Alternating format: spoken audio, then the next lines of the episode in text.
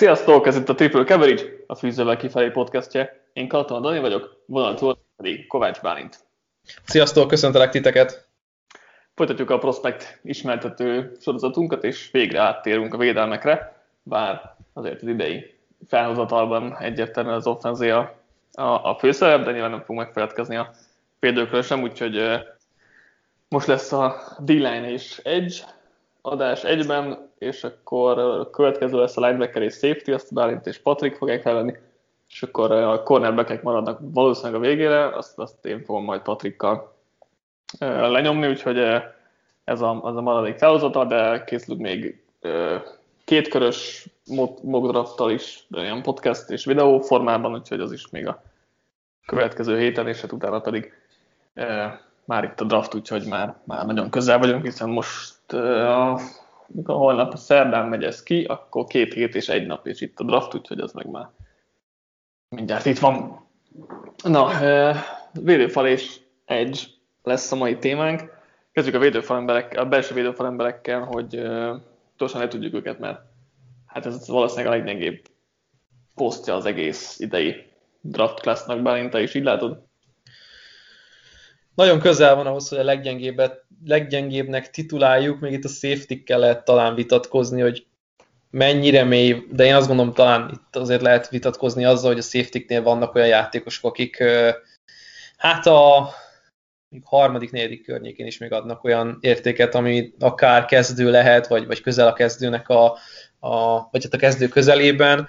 Én őszintén megmondom, hogy egyáltalán nem vagyok izgatott ezzel a védőklásszal és hát védőfalklásszal kapcsolatban sem, ez persze nem a legjobb ajánló levél egy podcast, podcast elején, hogy beharangozzuk, hogy mennyire um, nem látjuk itt a tehetséget, de szerintem hát ez, ez globálisan kijelenthető, hogy, hogy van egy, egy játékos, aki nagyon-nagyon kiemelkedik, és akkor mögötte óriási szakadék, de tényleg olyan szakadék, ami más poszton nem nagyon van, és akkor utána jönnek a projekt, vagy olyan kiforratlan, vagy egyáltalán már pályájuk csúcsát elérő játékosok, akik annyit tudnak kínálni az NFL-ben, hogy maximum egy rotációban lehetnek hasznosak. Most legalábbis egyre így gondolkodunk róluk.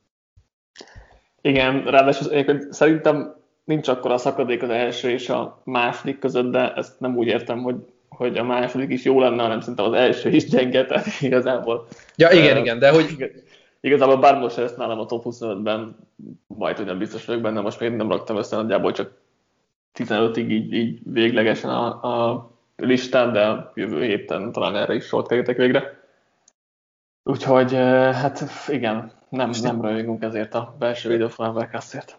Közben megnyitottam a drafthistory.com-nak a, az adatbázisát, és egészen 2017-ig kell visszarepülni, amíg, hát ők úgy különböztetik meg, hogy defensive tackle, uh-huh. tehát ö, ö, 2017-es klassz volt az utolsó az, amikor nem húztak első körben védőfal, belső védőfal embert, akkor Malik McDowell volt a második kör harmadik pikjével a Seahawksnál, de hogyha csak két évet ugrunk vissza, 2019-ben Quinn Williams, Ed Oliver, Christian Wilkins, Dexter Lawrence, Je- Jeffrey Simmons, Jerry, uh, Trist, ja, Trist, igen, Jerry Tiller és Tristan Hill már nem volt elsőkörös, tehát öt elsőkörös. Igen. Úgyhogy most ezt, ezt, ezt az évet így, így kivehetjük, hogy akkor ez annak az ellentetje lesz majd. Hát, és akkor kezdjük is bele itt eh, Christian Barmore-ral az Alabamáról. Mit gondolsz róla? Én egyébként szerintem magasabbra helyezem őt, mint mondjuk te. Én nagyon megkedveltem tavaly a játékát, ugye egy évnyi kezdő film van mögötte, de hát ugye ez nem véletlen, vagy hát az Alabamánál ez nem ritka, mert hogyha visszagondolunk Quinn Williamsre, neki se volt túl sok kezdőmérkőzés az Alabamán, ugye ők úgy forgatják, a, hogy úgy építik fel a rotációt a fal belsejében, hogy a junior játékosok, vagyis hát kb. a junior korukra érnek be azok a játékosok, akik középen játszanak.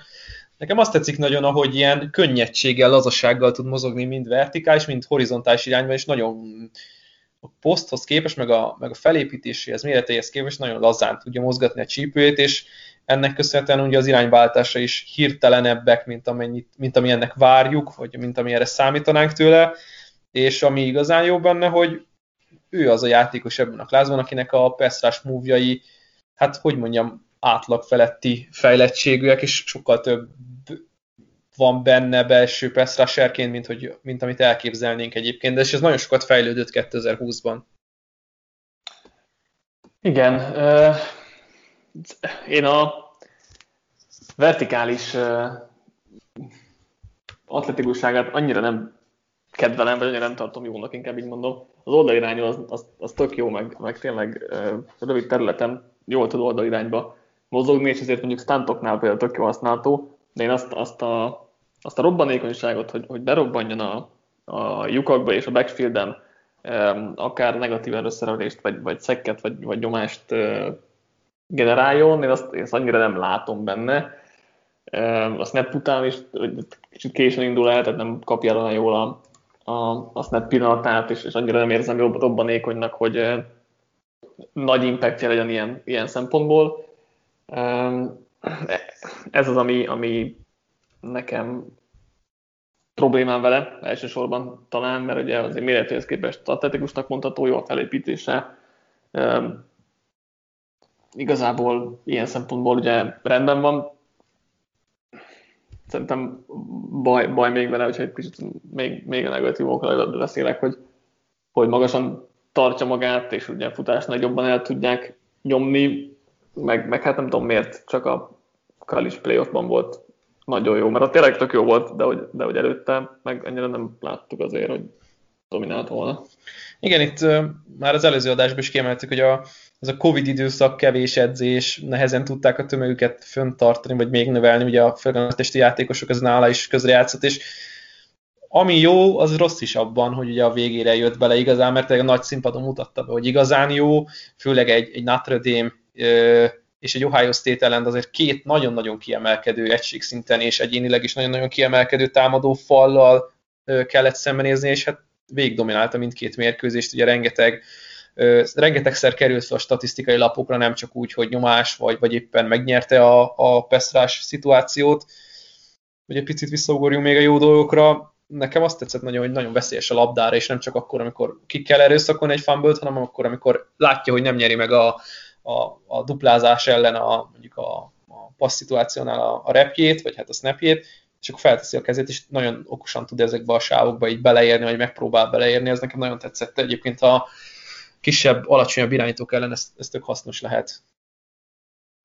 Ránéztem közben itt az a, a, a Pro Day számaira, és a Freecomban elég gyengét produkált, és nem csinált robbanékonyságot mérő gyakorlatokat, ami azért elég nagy red flag nálam ilyen szempontból.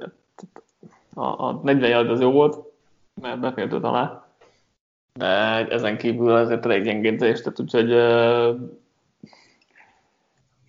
első kör végén esetleg, hogyha valakinek nagyon nagy nígye van itt defensive tackle posztra, akkor el tudom képzelni, de, de én nem láttam, hogy belőle egy magas szintű kezdő lenne. Azt, hogy egy, egy korrekt kezdőt azt, azt tudjátok képzelni benne, legfeljebb, de, de a nagyon kiemelkedőt azt, azt én nem, nem látom, hogy belőle az lesz bármikor is igazából. Akkor itt jön a kérdés, hogy, hogy ha összevetjük a két tavalyi elsőköröst és őt, mert szerintem elsőkörös lesz egyébként, hogy rangsorolnád őket most így prospectként és nem egy év táblatából? Ki volt tavaly? Brown De, és Kinlow. Meg, meg Kinlow. Hát egyértelmű, mind a kettő előtte van nálam, tehát Barmornál biztos, hogy utánuk jön. Inkább itt a kiket, Rose Blackcock, meg, meg Rayquan Davis mondjuk inkább előttük, tehát akik tavaly, ha azt nézzük, kikeltek el belső falemberként, nálam tavaly is itt, itt lett volna egy első kör vége, második eleje inkább. Nálam ez nem, nem igazán kérdés. Nálad igen? Nekem, nekem jobban tetszik egyébként. Nem, nem azt mondom, hogy fönn van azon a top 15-ös választási polcon, ugye, ahol tavaly is elkelt Brown 7. helyen, Kinló 14. helyen, nem hiszem, hogy ide fel fog férni. Én, én azt gondolom, hogy, hogy nagyon picivel, de utánuk van, és sokkal jobban bízom abban, hogy egy nagyon jó profi lesz, abból kiindulva, hogy egyébként szerintem az upside-ja az nagy, mert ugye nem sokat láttunk belőle, viszont amikor elkezdett így, így belejönni a játékba, vagy beleérni a, a, a a szituációba, vagy magába a, ebbe a versengésbe, ugye itt a végén az évnek jött ugye a, az SCC döntő akár csak, mondjuk ott nem, nem feltétlenül volt jó, de ugye a playoffról beszélgetünk, szerintem igazán akkor jött rá, hogy hogy is kéne fociznia, ugye itt az SCC-nek is egy csonka szezonja volt, bár sok mérkőzésük sok mérkőzést játszottak le, de igen, egyértelműen Brown, inkább úgy mondom, hogy Kinlow és Brown előtte van egyértelműen. Hmm. Nem tudom ezt az upside mennyire látom benne, már csak az atletikusság. Hát, hogy nem annyira atletikus, inkább azt inkább így, így fogalmaznék azért, hogy uh, itt, itt a tesztelése is azért ezt mutatta talán, mondjuk ennél talán jobb, jobb uh, számokra számítottam, de hát meglátjuk, én nem vagyok túl bizakodó vele kapcsolatban. Mit gondolsz uh, Levi Onvozurikéről, ha jól mondtam a nevét, mert ez nem mindig egyszerű. Ja, Onvozuriké, hát igen, ő a Klásznak szerintem mindkettőnknél a második belső védőfal embere. Hát én nagy szakadékot látok közöttük, és azt gondolom, hogy Onvuzuriké inkább ebben a Blacklock magasságban kelhet el, bár valószínűleg nem, mert ugye azért van nídes csapat, úgyhogy nem fog a 24. helyig leesni, és jól emlékszem, ott választották már, mint a második kör 24. Nem, az hm, Davis volt, bocsánat. Uh-huh. Minden, minden esetre ő egy második körös játékos nálam a, a szememben. Um, do, nehéz dolgunk volt a washingtoni védő falemberekkel, én azt gondolom, itt 2021-nek előre nézve, de talán a PFF-nek jött ki, jöttek ilyen nyilatkozatai, azt hiszem Joe Tryon nyilatkozott Levi Onzurikéről, és fordítva is, hogy akkor melyikük milyen nagyszerű játékos, mennyire gyors az első lépés, ebben szerintem tök nagy igazság van, hogy azért ha, ha ilyen robbanékonyság első lépésről van szó, akkor a Onzuriké tényleg nagyon jól működik, és valamberek között viszonylag gyors, és könnyen tud nyerni a, a támadó falakkal szemben. Ugye a Washington ilyen három, három, három-hármas felállást alkalmazott, tehát mindig volt egy nose tackle, meg két-négy is, vagy öt technikán játszó játékos, ugye a Muzuriké volt legbelül nózban, vagy mondjuk egyes technikán. Nagyon nehéz dolog volt, hogy folyamatosan duplázták szinte az egész évben, vagy hát az egész szezon során, de én azt gondolom, hogy ezeket a duplázásokat, ha nem is mindig ugye megnyerte, vagy nem is mindig jól teljesített, de úgy volt remény, hogy ő meg tudja nyerni a snapjait, és más védőfal embereknél ezt nem mindig láttuk.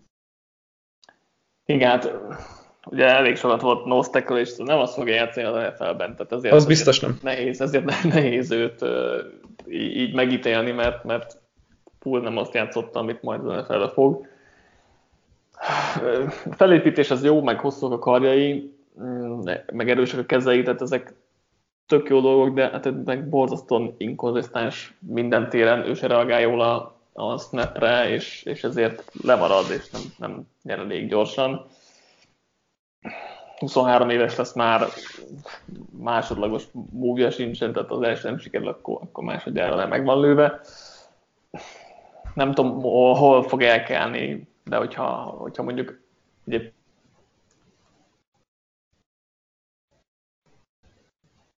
a második kör végén, de, de könnyen lehet, hogy nem ott fog elkelni, hanem hamarabb, mert láttam, láttam első kör végi mockdraftokban is, azért az, az erős, erős. Ez erős lenne.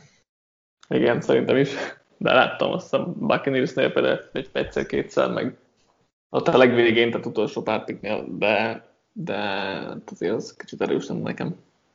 Igen, még annyit lehet itt kiemelni, hogy jól tartja a labdán a szemét, és nagyon jól tud alkalmazkodni ahhoz, hogy mi történik a playben. Tehát a reakciója, mármint a másodlagos reakciója, hogy nem tudom én, tovább olvas az irányító, és próbálja követni a szemét, vagy megpróbál elugrálni a, a támadó fal ellen, vagy elől, az, az szerintem tök jól működik nála.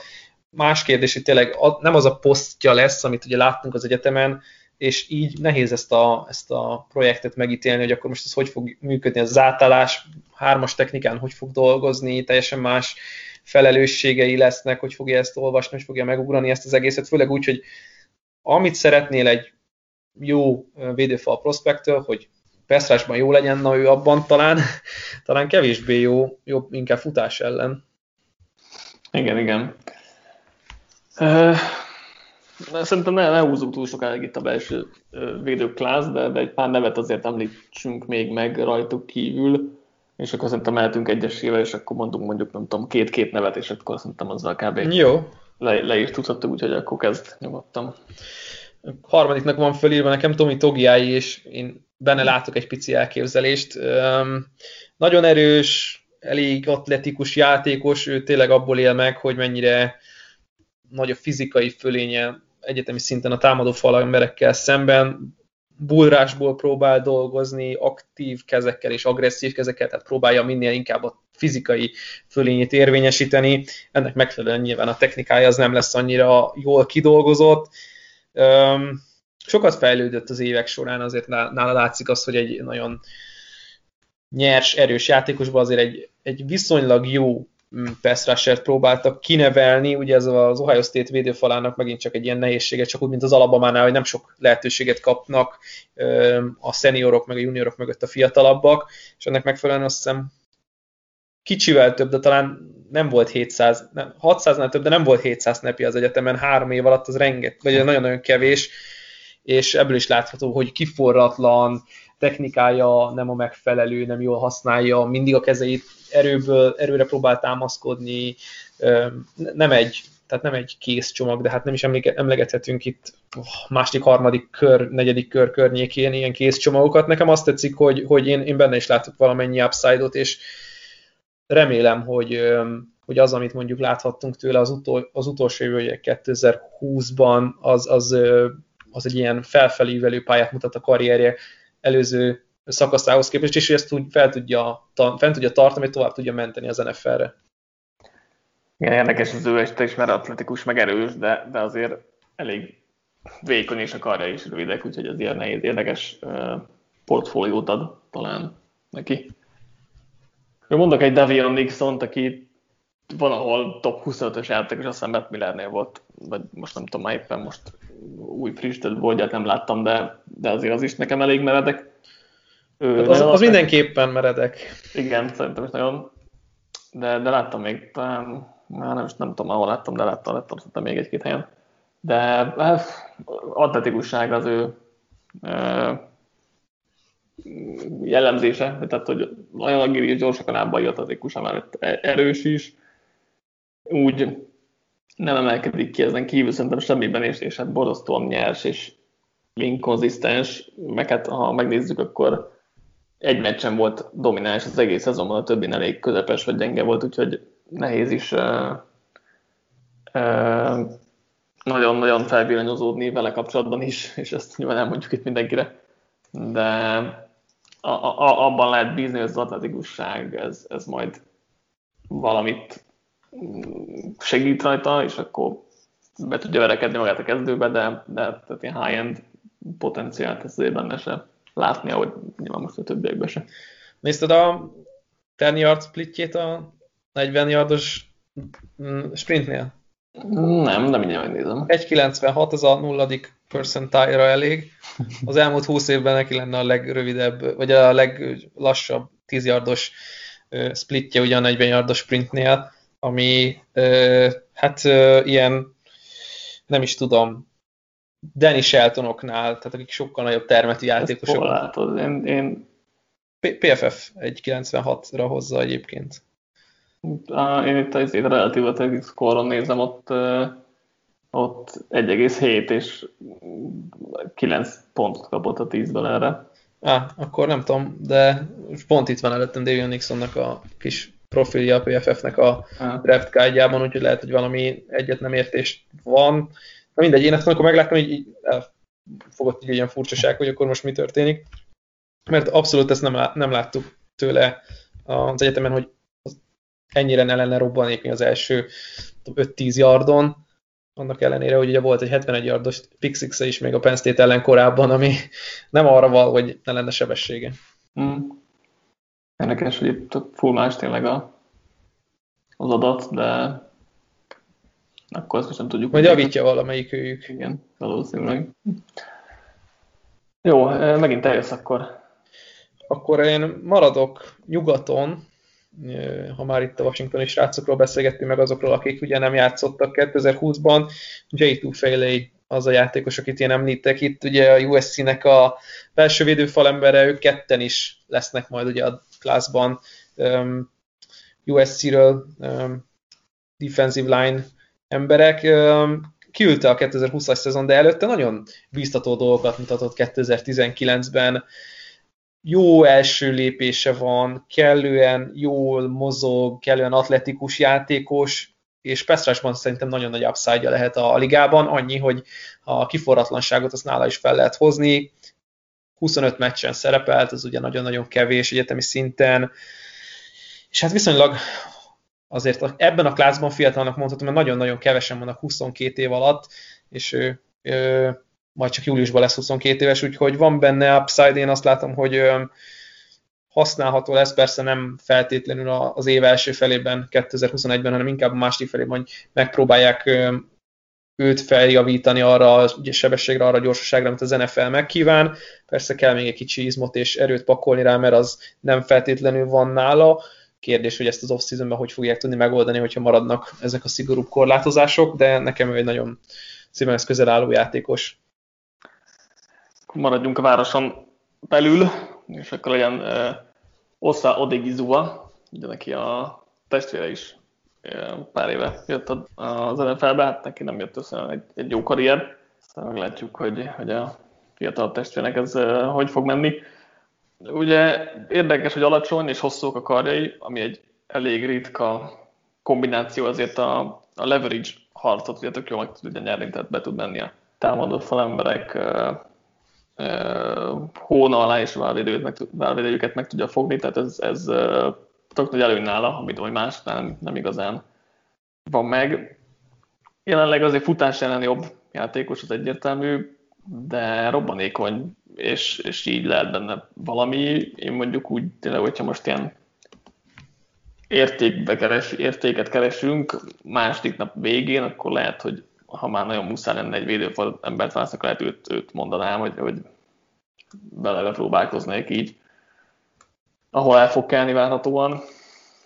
Igen, itt ez érdekes profilja van abból a szempontból, hogy őt meg nagyon nehéz még hármas technikán is elképzelni, tehát egy, egy nagyon Igen. exotikus frontba kell neki bekerülnie, mert egyfelől alacsony, másfelől ö, nagyon alacsony a tömege is, tehát ha lefogyna, nem lenne jó egy rusher, viszont a felhízna szerintem veszítene abból a, a, a robbanékonyságából, ami van, tehát itt én 280 font körül jegyezték őt, ami hát nagyon-nagyon nem sok. Most persze nyilván nem lehet a legextrémebb példákat előhozni, kinek sikerült alacsony testtömeggel sikeresen NFL karrierbe hoznia, de és egyébként, ha jól, jól emlékszem, ő endként, tehát mm, szélső passértetőként érkezett a, a, a UCLA-re, és hát ugye úgy idézőjelben hizlalták föl, vagy hát nőtt bele ebbe a pozícióba, ami egy ilyen hát pass szerepkörnek jobban feküdne ilyen testtömeggel, mégis a futás ellen stabilabb.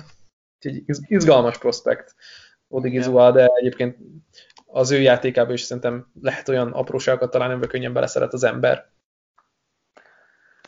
Meg, én két nevet írtam fel, egyrészt Marlon, Marlon Toypolótut, aki ugye túlfelének a csapattársa USC-nek, aki szerintem egy futás ellen korrekt védő lehet, és így viszonylag magas a padlója mondjuk a többiekhez képes, de hát a Pestrasban meg semmit sem fog nyújtani. Meg Milton Williams Louisiana Techről, aki meg egy atletikus, de elég kicsi játékos, nálam még ők vannak így felírva.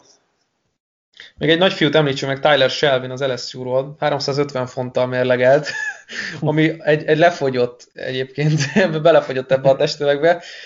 Hát egy tipikusan egydimenziós játékos, hogy az lsu sem nagyon akartak vele sok mindent csinálni, csak hogy ője a futást, és ne, tudja, ne tudják megkerülni, hát lehet, hogy átugrani könnyebb. Igen, 160 kiló, hogyha átlátjuk, vagy majd 158, azt hiszem, nem, nem semmi. Valaki hát, akar 2019-es LSU meccset nézni, akkor könnyen megtalálja majd a védelemben őt. Igen.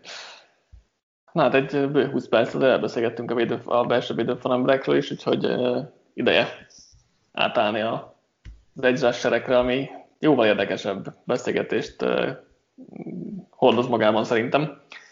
Itt Nagyjából ugye az első körös, a, egy magas polcra helyezhetünk három játékost, és akkor utána jön egy következő polc, hát 5-6, 7-8, nem tudom, játékossal. Nyilván ebben is most még lehetne kategorizálni, szerintem, szerintem itt van egy ilyen elválasztó nagyjából itt az első három után, és ez az első három, akiről beszélni fogunk, nyilván egy Jalen Phillips a Floridáról, Quitty a Michiganról és Aziz Ojulari a Georgiáról, nagyon érdekes, hogy három teljesen különböző profilú játékos, és ezért izgalmas szerintem ez a beszélgetés, hogy hogyan fogjuk most őket rangsorolni. Igen, itt azért megoszlik a vélemény a játékosok között, és nagyon sok tényezőt kell figyelembe venni, hogy akkor, amikor megpróbálunk valakit az első helyre tenni, vagy a másodikra, a harmadikra, de én is el tudom fogadni ezt az első polcos kialakítást, hogy három játékos van ott leginkább, akikről mind az elmúlt időkből következtetve, illetve hát az a, az, a, az upside, ami még bennük lehet, akkor azt mondhatjuk, hogy, hogy elsőkörös játékosok, és akár már elsőnapos kezdők is, bár itt azért vannak fenntartások szerintem még az első polcon is. Te hogy rangsorod őket, azt elmondom én is, hogy mit gondolok róluk. Én nem tudom kivenni az egyenletből Jalen Phillipsnek a sérüléseit, épp ezért nem lesz ő az első. Tudom, hogy nálad máshogy lesz, de nem, nem lövöm le a point. Nálam Aziz Zsulári az első, Jalen Phillips a második, és Pay a harmadik, de pont a podcast előtt egy pár szót váltottunk, és ott megegyeztünk abban, hogy nem lehet egy lapon emlegetni ezt a játékosokat stílusban, úgyhogy nagyon-nagyon nehéz itt kialakítani, hogy végül is ki a kedvencünk, hogy kit teszünk első helyre. Igen, és hát ugye most ha, ha valamelyik csapatnál dolgoznak, akkor sokkal könnyebb lenne itt sorrendbe rakni őket, mert Mit milyen, szeretnénk? Milyen típusú játékos szeretnénk, igen. És így, így ugye külső szemlélőként viszont ez ugye sokkal nehezebb, tehát ne, ilyen szempontból érdekes ugye ez a draft outsiderkedés, vagy nem tudom, hogy mondjam. De ez ugyanez az elkapóknál is, mert... Persze, persze. Igen. Nálam, nálam elég egyértelmű, hogy Jalen Phillips a legjobb játékos. Nyilván minden csapatnak tisztáznia kell majd a, a, az orvosi kérdőjeleket vele kapcsolatban, de csak a pályán nézve szerintem magasan Philips a legjobb közülük. Nyilván ő jön a legjobb kockázattal is, tehát ez, ez a, az érdekes benne. Nálam egyébként P a második és Odzsulári a harmadik, majd, majd beszélünk Odzsuláriról, mindegyikük, mindegyikükről nyilván, de majd Odzsuláriról nem mondom, hogy mi a, mik a nagy aggájaim vele kapcsolatban, meg, meg kihez hasonlítom, és ott, és ott beúlik az a kép, hogy az így nem fog működni, de, de akkor erről majd, majd később. És akkor nyilván majd, a, majd beszélünk itt a Jason Ovékről, a Joseph Ossályokról, a Gregory Russzókról és a többiekről a, következő blogban, de szerintem akkor maradjunk most itt az első eh, háromnál. Szeretnéd akkor Zsulárival kezdeni? Nem, kezdjük szerintem philips mert okay. én azt gondolom, hogy ha kivesszük a, a sérüléseit, akkor messze-messze Ojulari fölött van uh-huh. nagyjából mindenben. Nem, akkor ebben egyetértünk. Szerintem, szerintem azért ó, Philips a legjobb, meg gondolom majd ezzel te is egyetértesz nagyjából, mert, mert mindennel tud nyerni. Tehát sebességből, a szélen, erőből át a, a a tekölön, ugye a speed to power az, az nagyon jó, és egyébként befelé is meg tudja őket verni, tehát három irányba lehet megvenni tekölt, szerintem Philips mind a háromban nagyon jó. Innentől kezdve ennél sokkal többet nem lehet elvárni egy Pessertől, hogy még legyen futásán is jó, és az is megvan Philipsnél, tehát szerintem egy komplet csomagot ad a, a, a csapatoknak. Kicsit túlzó lesz, amit mondok, de hogy Bowser Light, és mindegy, hogy hm. most melyiket nézzük, de annyira magasan fejlett, vagy én úgy gondolom, hogy annyira magasan fejlett technikailag, legalábbis azokhoz képest, akiket majd itt fogunk vizsgálni a következőkben, hogy tényleg nem lehet velük egy lapon emlegetni, sokkal jobban hasonlít egy, egy, egy, um, egy korábbi évek elit pass rusheréhez, egy Miles Garretthez, egy, egy, egy, egy, egy Bózához, most mindegy, hogy Nick vagy Joey, de, de tényleg ők mind olyan játékosok voltak, akik egyfelől egy komplet csomagot nyújtottak, másfelől technikailag is fejlettek voltak, és nem csak az atletikusságukkal tudták felhívni magukra a figyelmet, és majd a klászban több játékosról beszélünk, aki hm. inkább az utóbbiban jó, de amit te is mondtál, nem egyféleképpen tud nyerni, többféleképpen tud nyerni, és nála látszik leginkább, hogyha összedől az első terv, akkor van egy másik, és ez egyébként a klászban nagyon keveseknél van így, legalábbis én így gondolom, és annak köszönhetően, hogy azért belőle sem láttunk túl sok mindent az elmúlt évek során, egy év dolgoknak köszönhetően, amit kínál, az még egy, az egy teljes csomag, de még mindig nem egy olyan csomag, ami, amire nem lehetne még, még rakni rétegeket és még jobbá fejleszteni.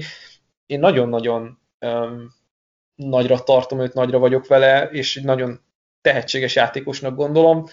Azért ott vannak a, a piros zászlók rengetege, ott van a piros zászlók rengetege, de amit ő kínál pozitívat, annál többet nem nagyon tudnak ebben a klászon mások. Igen, szerintem, hogyha nem lenne az a red flag áradat, amiről te is beszéltél, akkor, akkor szerintem egy fix top 10-es játékos lenne, tehát az, az nálam nem, nem, nem lenne kérdés ilyen szempontból, mert tényleg, tényleg mondta, minden megvan benne, és ugye emellett felépítésben is egy magas, hosszú karokkal rendelkezik, jól is, tehát jó, jó a felépítés összességében, robbanékony, hajlékony, erős, tehát tényleg minden megvan benne szerintem, ami, ami kell, és hogy mondtad, van persze terve, ami nagyon fontos, vannak counter move tök jó a, a swim, meg a chop rip move is, és tényleg, ha áttérünk a negatívumokra, nagyon keveset találok. Kicsit inkonzisztens futás ellen, meg, meg kicsit inkonzisztens a kész technikája, de jó, oké, okay, benne van. De ennél sokkal de, többet nem tudok a red fejeken mellett kívül nyilván. Még annyit kell ehhez szerintem hozzátenni, és kontextusba helyezni az egészet, hogy ugye a UCLA-n kezdte, öt csillagos, az ország legtehetségesebb játékosa volt, amikor elindult, és ugye a sok sérülés a boka, csípő, tér, tehát gyakorlatilag minden volt, ami futballsérülést illeti az ő karrierjében, de ne felejtsük el, hogy kiülte 2019-et, és 2020-ban elment a Miami-ra egy teljesen más rendszerbe játszani, mint amit játszott a UCLA korábban. Pikpak fölvette a rendszernek a lényegét, azt a szerepkört kapta, ami a, úgymond a legkevésbé hálás, hogy ő volt az erős oldali defensív end, és nagyon sokszor nem felé ment a játék, tehát nehéz volt fölkerülni úgymond a statisztikai lapokra, majd beszélünk a társáról, akinek viszont sokkal inkább sikerült, pont azért, mert a játékok Philips-től ellentétes oldalra mentek. Tehát ezek is olyan dolgok, amik hozzáadnak ahhoz, hogy, hogy mennyire nagy impaktja volt a játékra a miami abban az egy évben, amikor játszott, és akkor se játszott túl sokat, mégis láthattuk, hogy jöttek a szekkek, jöttek a negatív yardos szerelések, és hát érezhető volt, hogy, hogy Philips ott van a pályán, és hatása van a játékra. Igen, meg azt is semmi, hogy egy, tehát mennyi kilót szedett magára volt, nem tudom már, chatbe rakta be valaki a képet talán, vagy, vagy a Discordon? Igen, igen, chatbe egy 25 fontot kapott fel, azt 30 -os. Annyi biztos így, így ránézésre. De, de valószínűleg nem a, a, az otthoni csirkemel rizs diétát tartott őse, de lehet, lehet, hogy az is része volt. Igen, és hát akkor beszéljünk red flag mert, mert nyilván azok mellett sem lehet elmenni, ugye mondtad, hogy több, többféle sérülést, hogy több testrésze is sérült. Ugye vajdászkodása is voltak többes számban, volt egy baleset, ahol, ahol egy ilyen scooterrel ment és elütött egy autót, jól emlékszem, ez volt a, ez volt a sztori vele kapcsolatban, és így azt orvosai azt javasolták neki, hogy vonuljon vissza, és ezt meg is tette egy időre, de, de ugye annyira hiányzott neki a foci, hogy, hogy végül visszatért. Amit még emellett érdemes nála megemlíteni, hogy Dane Bruglernek láttam a Beast nevű draft guide hogy azt mondják a játékos megfigyelők, hogy szereti a focit, de az igazi szenvedélye az a zene, és aztán Philips azt mondta, hogy egyébként ez neki csak egy ilyen plusz kreativitás, de ugye hiányzott neki a foci a, a, az életéből, de egyébként ugye úgy ment át, ugye mikor, mikor visszamondta UCLA-nél, akkor ugye átment a Los Angeles City College-ra, ahol meg zenét tanult, ahol hát ugye rapper meg producer akar lenni elvileg, tehát ilyen háttere van Philipsnek alapvetően. Igen, érdekes, és még annyi, hogy föl lehet hozni nála, még szintén talán pozitív, pozitív oldalon, hogy um, tehát Kaliforniából kellett Miami-ba tenni a székhelyét minden estű családos, tehát nagyon sok mindent adott föl azért, hogy ő focizhasson. És azért azt legtöbb prospekt, aki már, hogy mondjam, még egy utolsó esélyt keres egyetemi szinten, hogy javítson az értékén, általában otthon marad a, a családja közelében, és ott próbál, és jöttek is az offerek a transfer portálon, menjen el a Stanfordra, maradjon a városban, maradjon nyugaton, de nem, ő átment az ország másik részébe, hogy, hogy nyilván Benny Diaz addig mondogatta neki, hogy jó lesz, jó lesz, jó lesz, hogy végül is meg tudta győzni, és hát jó lett. Hol kellett el szerinted? Nehéz. Hú, hát igen, itt ezt a, és ugye mondtad, hogy még alá kell vetni magát ilyen orvosi vizsgálatoknak, ami ugye pont tegnap, tehát tegnap előtt, amikor ezt hallgatjátok, hétfőn elmaradt, mert elkapta a koronavírust, szegény Philips, úgyhogy várni kell még a vizsgálatokra, és hogyha most beleszámol, vagy kiszámoljuk azt, hogy 12-én fertőződött meg, legalább 10 napot várnia kell, 22, és nagyon-nagyon közel van a draft. Szerintem egyébként hamarabb, hamarabb lett volna már egy pár nappal de mindegy igazából. Csak az a lényeg, hogy az infóra nagyon sokáig kell majd várni a csapatoknak, igen, és, és, és nem tudjuk, hogy mennyi lesz hiteles az info. Hát, azt mondom, hogy top 20. Aha, aha. Az ugye, jó, mondjuk Chicago, hát még úgy akár. De igen, szerintem no, plafonja Giants talán. Ugye most ott nagyon Devonta Smith mondják, de ha ő esetleg nem lesz bent, akkor szerintem a Giants-ben látom talán leginkább itt a top 15, 10, hát, vagy legmagasabb a Giants-ben látom, hogy, hogy ők beruháznak Philipsre. Nyilván full attól függ az egész, hogy kinek lesz a red mellett, és kinek nem, kinek nyert az orvosi ilyen, kinek nem, vagy ki mit gondol az orvosi vizsgálatáról pontosan, mert ugye ez ilyen központi dolog. Ott, ott kezdhetünk róla talán beszélni. Hát egyébként kezdhet egy, egy, egy nagyon nagy mm, mély ez az Edge Rusher class, hogyha mondjuk ott a legjobb játékos, legjobb elérhető játékos a poszton nem kell el, mondjuk a Giants per Minnesota picknél, hogy a 11-14, és akkor utána jön egy New England, hát nem hiszem, Arizona nem valószínű, bár nem zárjuk, ne zárjuk ki ezt se, de hát itt mögötte olyan csapatok jönnek, akik vagy tekölt, vagy irányítót szeretnék, vagy elkapót. Raidersben akár lehet ezt egyébként, bár nem tudom, melyek kék szerintem annyira nem akarnak ilyen redflages játékos. Szerintem mélyok nem fog, nem fog igen, ezzel. Igen, szerintem sem. Tehát ő sokkal inkább biztonsági ember. Igen, igen, igen, igen. Hát, Jetsbe én nagyon szívesen látnám egyébként. Ott egy per 23 az, az nem parádés lenne. Meg hát Cleveland lenne, amit, amit legjobb Miles Garrett oldalán. Most, hogy Crowley-t legazeg, akkor az, az valószínűleg kilőve, de, de az sem egy, Szerintem egy pont nem egyébként, de majd másról beszélünk. Lehet, lehet, de igen. Egyébként ami érdekesen az a Chargers, mert ott ugye most Ingram elment, tehát kell egy persze Meglátjuk, hogy nem hiszem, hogy erre akarnak feltétlenül beruházni, de azt sem mondom, hogy feltétlenül meglepne. Menjünk tovább akkor, és akkor legyen Ojolari, ha már nálad ugye ő, a, ő az első. Miért gondolod jobbnak, mint Pay? Én azért gondolom jobbnak, mint Pay, mert a futball azon elemében jobb, mint Pay, ami a, a fontos az NFL-ben, ez pedig a passietetés, a tekölök legyőzése, és ez egyetemi szinten nagyon jól működött Ojulari-nál. Más kérdés, hogy mit jósolunk majd vele kapcsolatban az NFL-ben, de én egyébként pozitív vagyok ezzel kapcsolatban is. És azért a kész technikája nem a legkiforrottabb, de mégis aktív, és nagyon szeret a kezével dolgozni, és ez jó lesz majd, hogyha ha nem kapjuk vissza azt a gyors első lépést, ami szerintem egyébként meg lesz, mert nagyon gyors az első lépés, és annak ellenére, hogy nem produkált nagyon jó three drill ami egy steril körülmények között megfutható frikon lett volna, és nem a pályán kell nehezített helyzetben megoldani. Ennek ellenére én azt láttam, hogy a pályán sokkal inkább volt egy ilyen hajlékony, tackle hón alatt átbújó, nagyon jó ívet leíró játékos, és ezzel tudott nyerni, és nem csak a Cincinnati elleni utolsó meccsre kell gondolni, amikor tényleg mindegy, hogy ki volt a tackle, éppen egy európai játékos, vagy, egy, vagy, vagy Hudson, mindenkit meg tudott verni. Na nem csak erre a meccsre kell gondolni, vissza kell menni az Alabama meccsre, amikor Leatherwood ellen játszott, vissza kell menni Florida meccsre, amikor Forsyth ellen, tehát amikor a nagyobb nevű tekülök ellen játszott, és azért voltak olyan passzrás snapjai, amik tényleg plusz-plusz kategóriát képviseltek, és minden mellett én azt gondolom, hogy a futás is nagyon jól tud dolgozni. Oké, okay, ez a Georgiának a rendszerének a, egy, ilyen, egy ilyen furcsasága, hogy ő nem feltétlenül egy első számú pass rusher volt, de nagyon sokat mozgatták vissza, coverage-be, futásnál voltak más felelősségei, mint egy, mint egy mondjuk Philipsnek teljesen más felelősségei voltak, egy teljesen más rendszerben, mint Ozsulárinak. Nyilván ez a rendszer szüleménye, vagy hát a szisztémának a szüleménye, de azért azt gondolom, hogy futásán is egy nagyon jó használható játékos volt.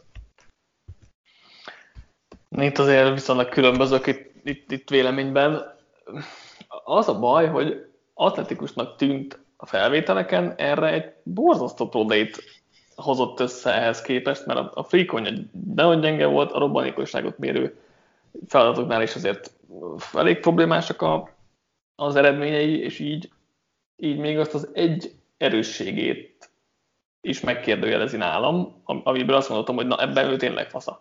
De, de, de tehát az, az biztos, hogy ő egy sebességből nyerő játékos, aki széle megveri a tekölt, és akkor hajlékonyságból befordul, és próbálja szekkelni az irányítót.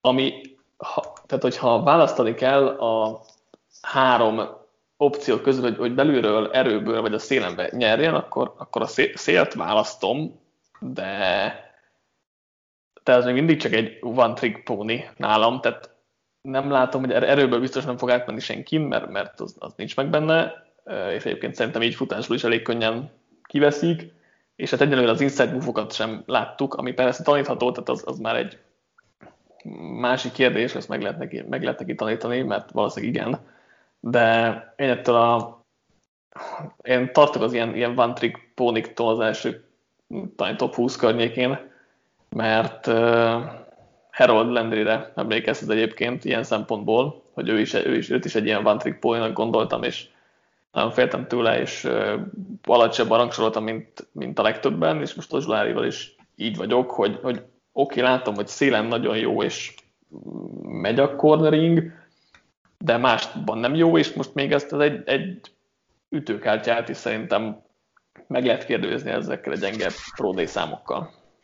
Igen, itt nekem is ez nagyon furcsa volt, hogy van egy nap, amire teljesen nyugodtan, idézőjelben nyugodtan fel tud készülni, gyakorolni tud rá, és ez nagyon sok játékosnál jött, hogy akkor hova tűnt ez a, ez a felkészülés, hogy akkor mi történhetett, hogy nem ezt láttuk, majd később beszélünk és még sokkal kiugróbb példáról is, de mit gondolsz arról, hogy um, itt olvastam a Draft Networknek, Dre Harris uh, írta a scouting reportját, és ő 4-3-as off-ball linebackerként is el tudja képzelni.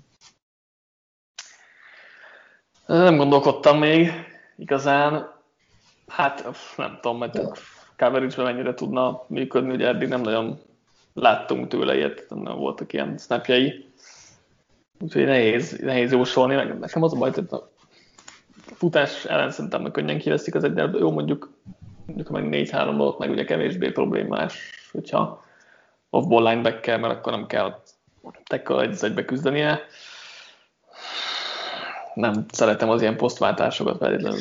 Szerintem se egyébként. Nekem ami egy picit beugrott nála, hogy viszonylag alacsony, hosszú karjai van, vannak, nekem ilyen Elvis Dumerville hm régi-régi Elvis Dumerville vibe vannak vele kapcsolatban, hogy is alacsony volt, de azért a posztján ő azért viszonylag jó színvonalat képviselt akkor, amikor, amikor a prime-jában volt, és, és talán hozzá lehet ebből a szempontból hasonlítani, hogy nem kell őt azért kiírni ebből a pass rusher, vagy szélső edge rusher posztról, mert csak 6 láb, két incs magas. Nem, biztos, hogy nem kell én, én ilyen magasabbra tagsált játékosoknál szerintem nagy probléma a posztváltás, úgyhogy én nem, nem, nem tenném át máshová, inkább, inkább azzal kapcsolatban vannak kérdőjeim, hogy mennyire tud érvényesülni.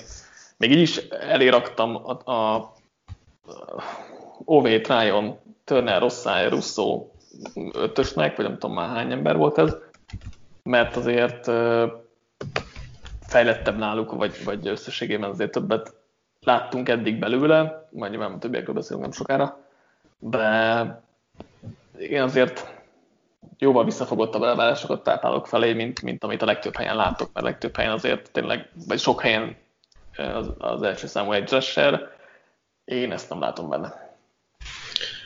Akkor a következő Igen. játékosunkra, aki, aki meg az előző kettőtől jóval előtöbb igen, ugye Pay Michiganről, aki, aki egy kemény, erős, ilyen beefy, hogyha én ilyen amerikai szóval akarok élni, akkor, akkor ilyen felépítése van. És emellett ugye tök atletikus, meg elit freakont nyomott, meg freak listen ugye fent volt, um, amik tök jó dolgok, de, de azért a, inkább, egy, egy, egyelőre inkább futás ellen jó, jó, jó játékos, abban egyébként kiváló, akár elitnek is mondhatjuk, de azért, azért Passage egyáltalán nem fejlett, nincs terve, nincsenek counter move tehát azért itt még passage bőven tanításra szorul. Ugye négy év alatt 11 és fél szekje volt, és oké, nem csak a szekekből kell ítélni, de, de hát nem egy jó pass jelenleg, ami, ami nyilván szintén problémát vet fel. Én azt gondolom, hogy ő lehet az egyetlen játékos ebből a háromból, akit itt emlegettünk most, aki első napos kezdő lesz, és pont azért, mert annyira stabilan tud az első két downon dolgozni, hogy most feltételezzük, hogy első downra futnak, nem feltétlenül ennek szeretnénk mi, hogy mondjam, szemtanúi lenni 2021-ben, de, de amúgy tehát ő az, aki a legstabilabban tud dolgozni, és most tényleg Philipsnek vegyük bele azt az egészbe, hogy lehet, hogy a, a sérülések azok nem engedik, hogy pályán legyenek akár az elején, vagy túl, túl gyors lesz neki a, a, az iramhoz képest, hogy mennyire egészségesek az izületei. Most nyilván ez egy nagyon-nagyon nagy hipotézis, de én azt gondolom, hogy Osztály, bocsánat, P, mert Osztály is kicsit hasonló játékos, tehát Quitty P is um, um, ahogy mondtad, hogy Biffy nagyon olyan zömök, alsó testen nagyon erős, és hát ugye Bruce Feldmannek a 2020-as college football flick listjén az első volt, és pont azért, mert ilyen hiperatléta, mint amilyen Rashan Gary is volt a Michiganen, és picit így beugorhat az a, az a kép, és Chester mondta nagyon jó, hogy ez a két játékos ugyanaz. Nyilván nem ugyanaz, de nagyon-nagyon sok mindenben hasonlítanak, és pont azok a kérdőjelek vetődnek fel PL kapcsolatban is, mint mondjuk Garyvel kapcsolatban is felvetődtek. Hát ugye egy nagy... szerintem nem volt futás ellen fejlett játékos alapvetően. Ennyire a nem. Peszvesben egyébként egyetértek, hogy, hogy, hogy vannak hasonlóságok, szerintem P egy fejlettebb játékos futás ellen. Jó projektnek tűnik, mert az alap, amire lehet építeni, ez egy nagyon stabil dolog nála. Kérdés, hogy a, ezek a fejlettebb pass move ezek mennyire fognak működni nála, hogy tudja majd eladni ezeket egy rutinosabb tekölnek, mert nagyon nehéz dolog ez akkor, amikor um, rutintalanul megérkezve, és fogják tudni a, a, az offenzív teklők, hogy mi az első terve, mi a második terve, és ez nagyon nehéz lesz majd átvinni szerintem a, a profik között, vagy a profiknál, hogy akkor mit szeretne csinálni pontosan, de ott van az a csiszolatlan gyémán dolog nála, azzal, hogy ennyire idézőjelben egy szörnyeteg, és ennyire szeretnénk benne látni azt, hogy ő jó játékos lehet, szerintem egyébként nagyon jó alapot kínál, hát a peszrás, a peszrás az nagyon nagy kérdés. Igen, mert, mert tényleg a futás szerintem a legjobb talán a klászban, és ugye Pesztesben neki ugye, ugye Odzsulárnál beszéltük, hogy neki a sebesség, P-nek egyáltalán az erő, amivel ő nyerni tud, és uh, tényleg nagyon erős játékos, és jó, jó a leverage is le tud menni alacsonyra, jó a búrással, tehát neki is van egy ilyen egy, vagy hát egy, egy trükkje, vagy nem tudom, hogy fogalmazzak, amivel tud azért nyerni. Ez ugye kevésbé jó, mint az, hogy a sebességből nyerne, de neki meg tényleg ott van az, atletikussága, amivel, aminek ott a potenciál, hogy akkor ebből lehet valami, hogyha megtanítják a passzes move-okra, vagy egyébként szerintem nem használták jól a Michiganen, és, és hogyha most egy évig tanulgathatja a passzes move miközben fent van első meg második downnál védi a futást egy strong side defensive endként, szerintem második legrosszabb eset a harmadik évére azért Peszvesban is fejlődtet, úgyhogy szerintem benne tényleg az jó, hogy, az elején is felküldhető már, és akkor ezt az aspektusát meg remélhetőleg sikerült fejleszteni, mert azért benne van az a, az a potenciál, ami, ami az atletikusságából fakad. És valahogy itt egy negatívumként is meg lehet azt említeni, hogyha ha valaki, hogy mondjam, a Peszrásban szeretne fejlődni a csapatát tekintve, akkor nem ő lesz az a játékos, aki kell. Mindenképpen vagy egy nagyon rutinos kell mögé, vagy egy olyan játékos kell elé, aki már ott van a karrierjének a csúcspontja közelében, és akkor mögötte ezt szépen, vagy őt, vagy Pét nagyon jól be lehet így vezetni, így adaptálni lehet a rendszerbe, de ugye ami biztos pontot nyújt az egyik helyen, hogy fönn tud lenni a korai downokon, az mégse egy akkor átütő erő lesz a második, harmadik, negyedik down amikor tényleg oda kell érni az irányítóz, és hogy ezt meg kell tudni oldani, és ezt PI-ben ugye nem látjuk. Úgyhogy ami a jó, az egy picit a rossz is benne. Amit nála fontos még ugye kiemelni, hogy ő Kínában egy menekült táborban született, onnan ugye elég hamar átjött Amerikába, tehát sokáig nem volt ilyen eh, hányatadott sorsa, de, de ugye megvan neki a why, hogy ő miért focizik, és miért ad bele mindent, és egyébként ez a uh, ilyen intangibles, nem tudom mi a jó magyar szava, hogy a, a fejbeni dolgok, vagy, vagy nem is tudom, azok, azok nagyon, nagyon megvannak nála. Um, Igen, ezt, ezt aláírom én is. Szóval egyébként én kedvelem őt, de nem, nem tudom úgy, úgy, úgy, nem tudok úgy annyira rajongani érte, de lehet, hogy ez majd meg fog változni az idők során. Most, hogy beszéltünk róla, én most jobban kedvelem talán. Negyed órával ezelőtt, nem tudom. hát kellett beszélni talán a dolgait. Hát és akkor lépjünk itt a második polcunkra, akik, akik nálam már nem első körös tehetségek, ami nem jelenti azt, hogy nem fog valaki közülük elkerülni az első körben, mert bőven benne van a pakliban, de azért, azért ők már inkább második körös játékosok a szememben. Kezdjük, kezdjük, vagy beszélünk összességében róluk, vagy inkább akkor egyesével, mit gondolsz? Szerintem mehetünk itt két-három névvel így jobban átbeszélve, és akkor utána nyilván lesz egy-két játékos, aki hát már inkább harmadik kör, de azért látunk benne olyan dolgokat, ami, ami, ami jó, vagy ami, ami bizakodásra adhatok ott az NFL karrierrel kapcsolatban. Jó, akkor itt neked is az első helyen Jason Ove van a Penn State Igen. Jó, akkor ebben egyezünk. Ne, ezt nehéz megmagyarázni, hogy miért, de igen, ő van. Hát azért, mert ő is a freak listnek a tetején van. Igazából, tehát egy, egy, egy, egy borzasztó robbanékony, atletikus, gyors, jó felépítés, hosszú karok, tényleg hihetetlen uh, számokat produkált a, a Pro DM, meg, meg mindenféle atletikus tesztelésen az ilyen off the chart. Ezért lehet őt szeretni, de hogy, de hogy ezen kívül másért nem nagyon, de hát uh, ő jelenleg egy ilyen formálható agyaktömb, amiből hát vagy sikerül valami, vagy nem sikerül valami. Jó kérdés, te mit gondolsz róla? Hát, amiket kiemelt nála a atletizmus, elképesztő. Olyan, mint hogyha ilyen laboratóriumi körülmények között megkreáltak volna egy embert, akinek beszarasának kell lennie, mert tényleg magasság, testtömeg, karhossz, izomzat, tehát kinézetre, így tényleg egy olyan játékos kapunk, aki, akinek az a feladat, hogy siettesse az irányítót, nagyon jó atléta, kosaras múltja van, ebből látszik ez a nagyon laza, ilyen higanyos mozgás, nagyon könnyen tud mozogni a pályán, és ez néha kicsit a, a hogy mondjam, a, a hátrányára is válik, hogy túl gyorsan, túl akarja, túl akar a dolgokon lenni, és túlvállalja magát.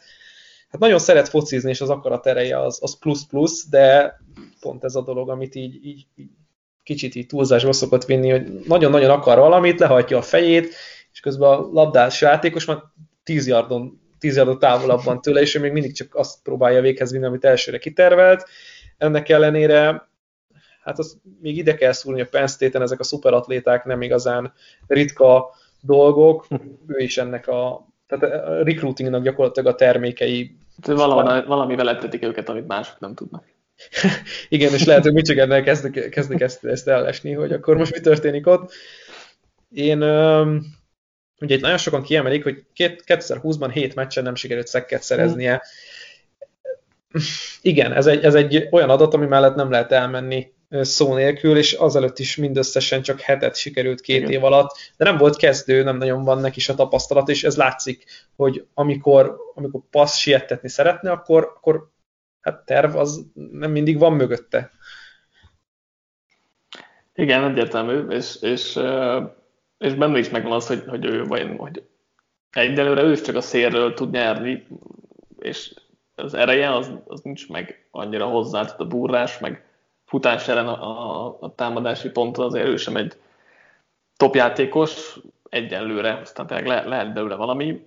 Uh, nehéz az ő kérdésem, ez tényleg ott van az, hogy tényleg über atletikus, és ez azért elég fontos dolog a, a, az edge rusher poszton, ellenben tényleg egy, egy ő egy developmental játékos, amit, amit általában nem viszünk az első körben, tehát ez egy második körös játékos.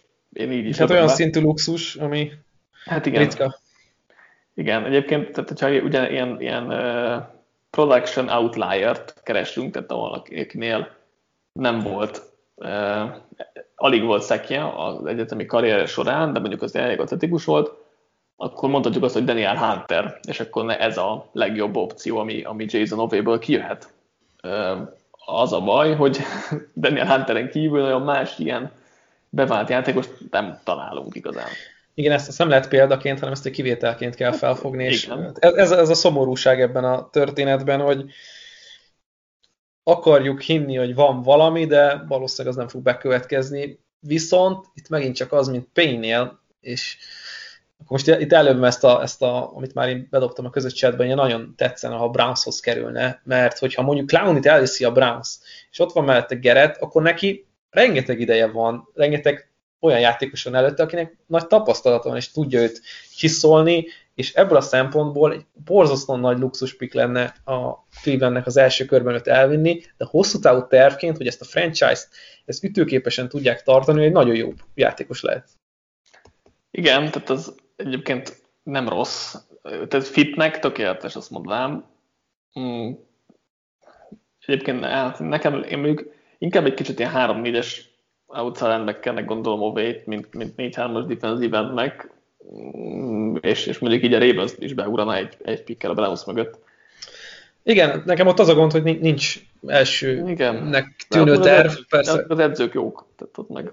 Viszont a Ravensnek nem igazán ez a minél nagyobb atletik freaket draftoljunk minél magasabban, tehát ők inkább ja, akkor igen. válogattak a kevésbé atletikus játékos, de kifejlettebb játékosok között. Persze, attól függetlenül igen, opciónak adódik a Ravens is. Vagy egy körle hátrébb elviszik majd Joe Tryon-t, hogyha még ott lesz. E, igen, hát OV ennyi. Egyébként ugye vele kapcsolatban jön fel legtöbbször itt a második polcos játékosaink közt, hogy első körben fog elkelni. Itt, itt, itt tényleg az arra bazíroznak majd a csapatok, hogy ebből a szuper atletikus csávokból ki tudnak hozni valamit, ami ha valamelyik poszton akarok ilyet választani, akkor az edge lesz talán, de azért még így is kérdőjeles lesz szerintem első kör végén is. Én arra vagyok nagyon kíváncsi, hogy ugye itt van a, ez a draft Twitternek a véleménye, meg a, meg a újságíróknak a véleménye, és az NFL mit gondol, mert ugye ezt, ezt idén még kevésbé tudjuk itt a combine hiányában, szigorú pródéjekkel. És az NFL általában jobban szereti ezeket, mint az ilyen játékosokat, mint a, mint, mint a draft Twitter, ahogy nézzük. Kérdés, hogy ez most mennyire lesz igaz Persze. idén is, de na, én erre nagyon kíváncsi vagyok erre a projektre itt kapcsolatban. Egyébként, hogy... egyébként amit tetszene, még talán Brunson is jobban, az a Tampa Bay. Igen, igen, igen, ez, ez jó pofa ötlet tényleg, mert ott, ott is van azért lehetőség kitől tanulni, vagy ki mögött fejlődni. Sőt, hát kinek a kezei alatt. Igen. Na, most már egy kvázi fix második körösök, bár itt egyet egyet láttunk azért első körbe becsúszva a pár draftban. Szerintem most fogunk először külön, nem, eddig is különböztünk, de majd és ismét komolyabban. Szerintem. Nálam Joe Tryon a második itt ezen a polcon. Te, hogy nálad ki jönne itt a következőnek? Én offside hoztam egyébként, de hmm. Tryon egyből mögötte van. Aha. Vagy hát, hogy mondjam, egy, egy ilyen nagyon közel egymáshoz. Uh-huh. Talán, és nem, nem tudom miért fura, de ugye nekem Tryon is kicsit ilyen távolinak tűnő játékos, vártam volna, még tudjon fejlődni, de ugye a 2020-as évet csak úgy, mint Onvuzuréké kiülte ő is, és hát amit kapt, akkor maradjunk Tryonnál. Jó. A fizikai mi volt a nála is egy, egy ilyen nagyon kiváló adottság, dolgozott test, erő, és hogy mondjam, ilyen agresszivitás azért van benne, és ez az abból is fakad, hogy milyen szerepkörbe játszották őt, mert nem tipikusan edge rusher volt, rengeteget játszott ugye a tackle a bal vállán, ami, ami hát nem az edge rusher pozíciónak a, az első számú kiinduló pontja, és ennek megfelelően, hogy fal, hogy mondjam, fallal szemben, tehát gárdokkal, tekölökkel szemben sokat találkozott, laterális mozgás is szerintem tök jó, tehát el tud menni oldalirányba is nagyon jól, Mm, nagyon-nagyon nagy projekt, vagy hát hogy mondjam, azért ennyire nem durván, de elég nagy projekt szerintem Joe Tryon, hogy ő a széleken tudjon majd boldogulni, és hát azért is gondoljuk ezt meg csak úgy, mint OV-nál vagy P-nél a produktivitást. Én is felírtam három az első ilyen kérdőjeles cellába, hogy hol van a produktivitás. Igen. Amelyik szekély voltak, de, de hát azok nagyrészt ilyen hustle szekkek, hogy oké, okay, akkor már kb. vége volt a játéknak, és akkor lekövette a irányítót és földre vitte, tehát igen, ez, ez mindenképpen probléma nála. Az érdekes, hogy tehát szerintem, ahogy mondtad, hogy agresszív, szerintem nagyon agresszív és fizikális játékos, tehát a, a támadási ponton futásában szerintem jól megállja a helyét, jól meg tudja tartani a, szélt, tehát nem, nem engedi, hogy a szélre menjen a futás, és ugye ha, ha, a Pestrest nézzük, akkor neki a bullerás, ami jól megy, meg a speed to power, és van egy nagyon jó inside swim move tehát az, az, az a go-to movie, amit szerintem nagyon könnyen ki fognak tanulni a, a profi feszteserek, de legalább van egy ilyenje is. Az a baj, hogy jóval több move-ot kéne neki megtanulnia. Egyenlőre nagyjából ez megy, hogy vagy erődből átmegy, vagy próbál egy ilyen swim move-ot, amit sokszor sikerül, de tehát ez az egy, az így semmire sem lesz elég a, a, a, a profik között, de, de azért, meg, meg ugye mi a probléma, hogy azért nem annyira hajlékony. Tehát oké okay a robbanékonysága, meg a sebessége is, de, de nem elég hajlékony, azért ugye a szélen annyira nem fog tudni nyerni valószínűleg. Igen, és pont ezekre jó, nyilván, hogyha ha nem így alakul a 2020-as év a pac ben hogy 7 meccs, meg, meg teljesen csonka szezon, meg, meg nem tudjuk, hogy mi történik, akkor, akkor ez egy, egy tök jó év lett volna, hogy bizonyítsa ő is, hogy mennyivel fejlettebb játékos 2019-hez képest. Persze korán eldöntötte idő, vagy hát időben eldöntötte, hogy nem fog futballozni. Jó kérdés, a pályán kívül tudott-e ezekkel a dolgokkal mit kezdeni, és ez azért érdekes, mert persze felfogadhat egy specialistát, tanulhatja a, a, a, ezeket a kézmozdulatokat, de jó kérdés, hogy ez élőben, mondjuk, mondjuk egy tényleg egy versenyszituációban, éles helyzetben ez hogy működik. Persze ott lesznek majd a training a gyakorlási idők, de én azt gondolom, hogy egy plusz egy év az egyetemen neki kifejezetten jót tett volna. Igen, és, és az az érdekes nála, hogy az látszik nála is, hogy tanítani kell move de mondjuk akkor a potenciája atletikusság, vagy atletikai limitációi miatt nincsen, mint mondjuk OV-ban, vagy akár egyébként osztályban, akiről majd akkor következőnek beszélünk. De szerintem ő jelenleg még OV-nél is jobb játékos ebben a pillanatban. OV-ban nagyobb a potenciál, de szerintem egyelőre, vagy jelenleg Tryon is egy jobb játékos, de, de itt akkor mérlegelni kell nyilván azt, hogy mi lehet belőle, vagy belőlük.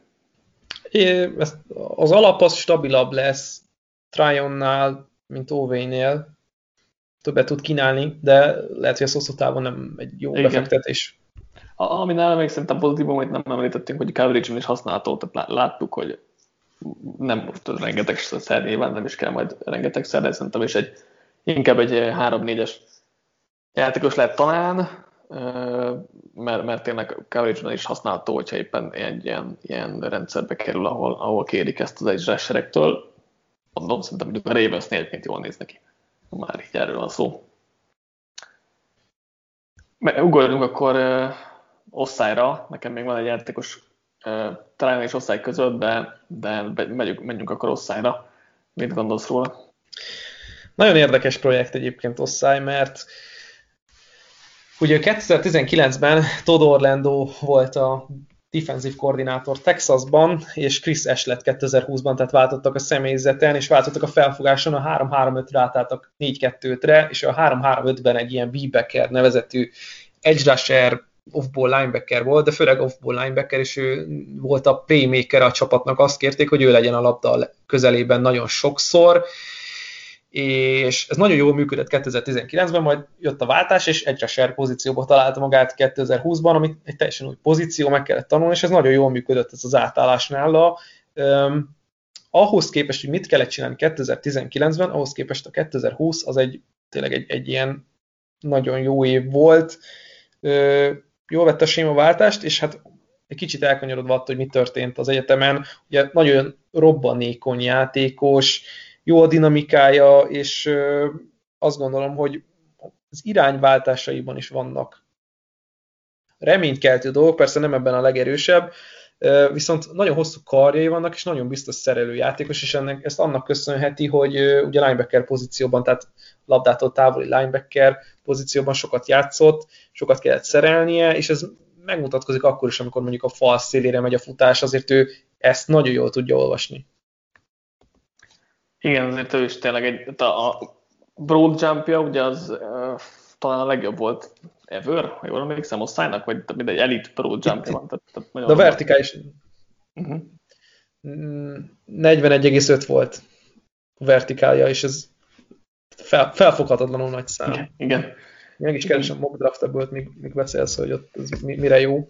Ja, ja úgyhogy uh, robotnékonyság az nyilván, nyilván uh, elit és hát olyan atletikus uh, játékos, emellett végigjár a motorja, nagyon jó a munkamorálja, tehát ez egy kevésbé fontos dolog talán, de, de azért ez se, ez se mindegy.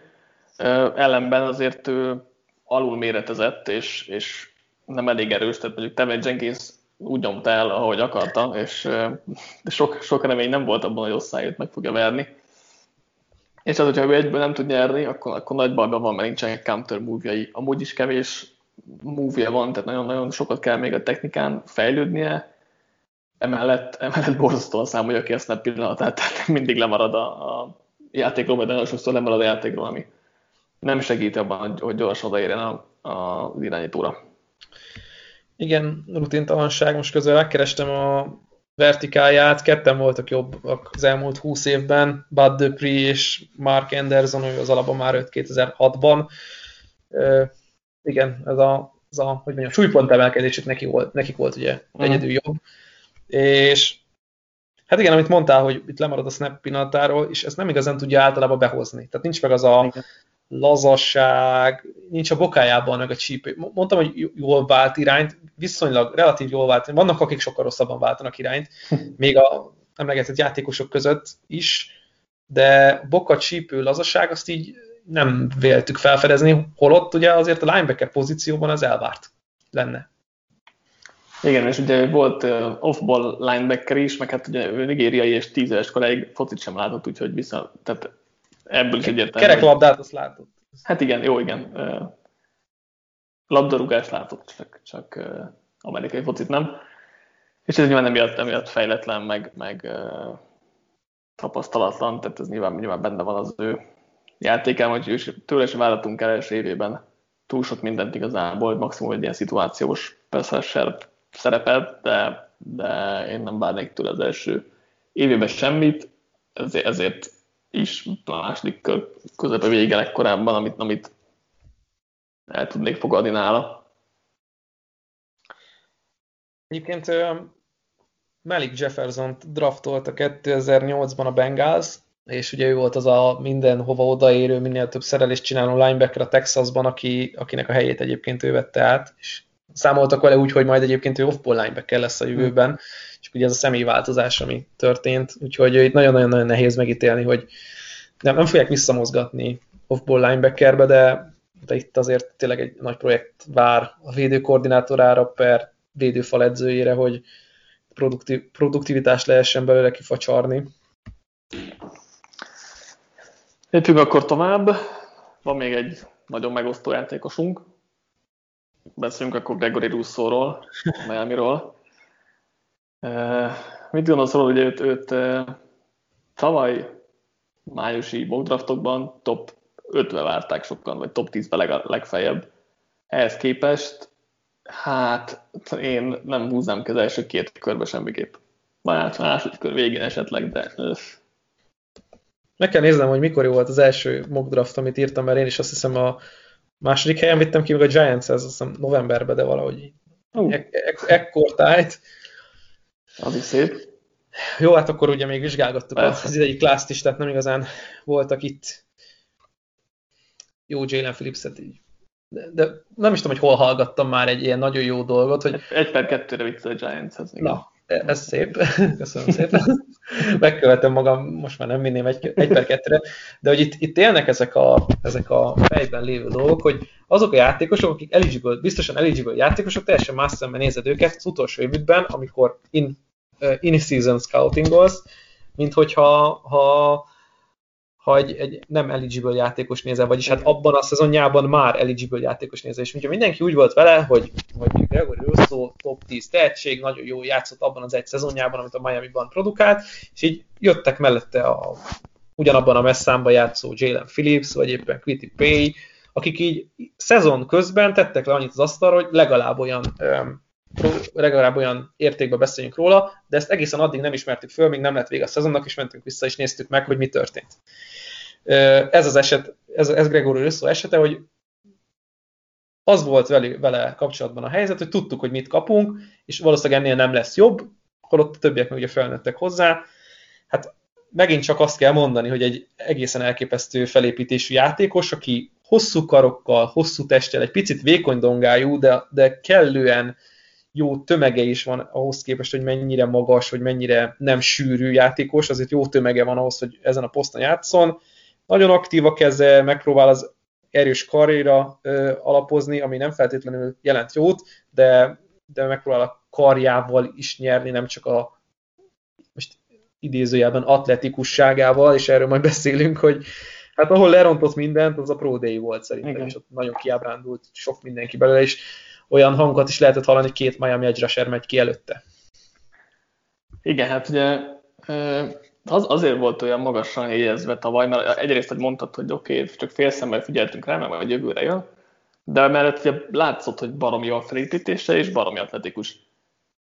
A felépítés az nyilván ugyanaz, de most megnéztük a Pro Day-t, és hát azért a robbanékonyság, meg, meg a hajlékonyság sem annyira jó, mint vártuk volna, és tényleg, tényleg megvan az a szörnyetek felépítése, meg, meg egy, amúgy az atletikusságban is szerintem rendben van, meg jó, de, de amit én így nézegettem a, ugye a meccslevételeket, és igazából ő akkor szerezte a szekkjeit, akkor, akkor tudott bármit is csinálni, hogyha belülre, belül, belül játszott a szélen, semmire sem volt képes kis, kis túlzással, ami azért óriási probléma, tehát hogy, hogy egyre nézünk, és akkor csak abban lesz jó, hogyha a harmadik downon őt be lehet mozgatni középre, az egy, az egy nem túl értékes poszt összességében.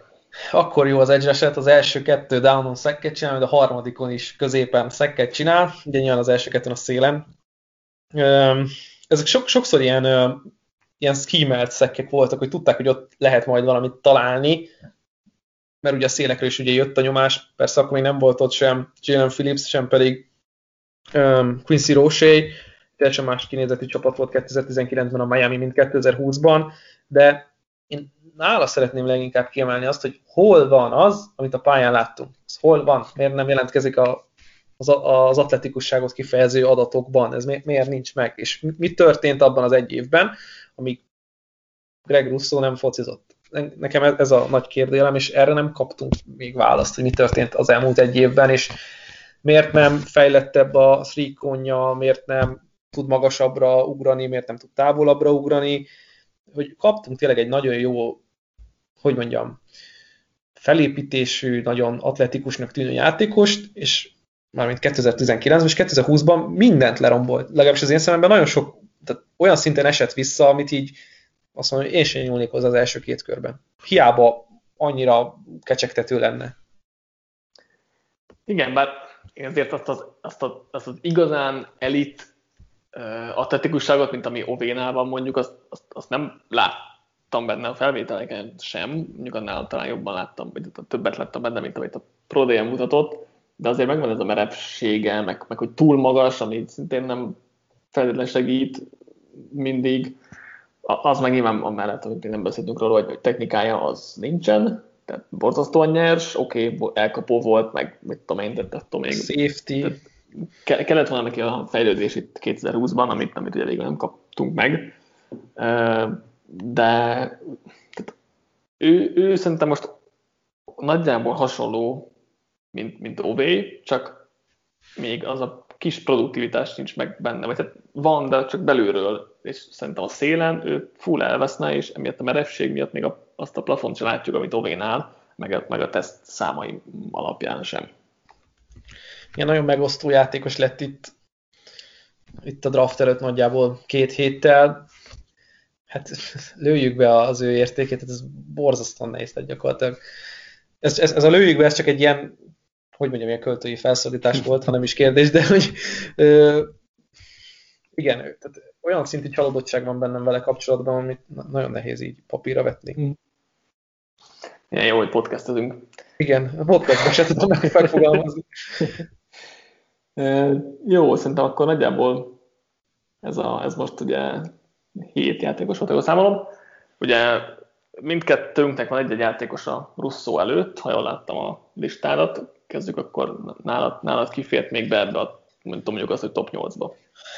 Nehéz, nehéz, nehéz. Én a csapattársával megyek, vagy hát volt csapattársával, Quincy Roche-val, és azért, mert hát nehéz megfogni, hogy miért, de én őt nagyon kedvelem. Azért, mert egy nagyon jó, nagyon jó technikás játékos, nagyon okos, nagyon tapasztalt, ugye ő, ő korábban, jaj, de gyorsan akartam mondani, hogy honnan jött, Na mindegy, most nincs itt előttem, tehát van egy ilyen brain fart az agyamban, hogy hol játszott korábban, de Na, lassan másfél beszélünk, úgyhogy... Így van, úgyhogy elment egy picit, na mindegy, majd közben eszembe fog jutni, az a lényeg, hogy... Tempőlen játszott. Tempőlen játszott, igen, köszönöm szépen.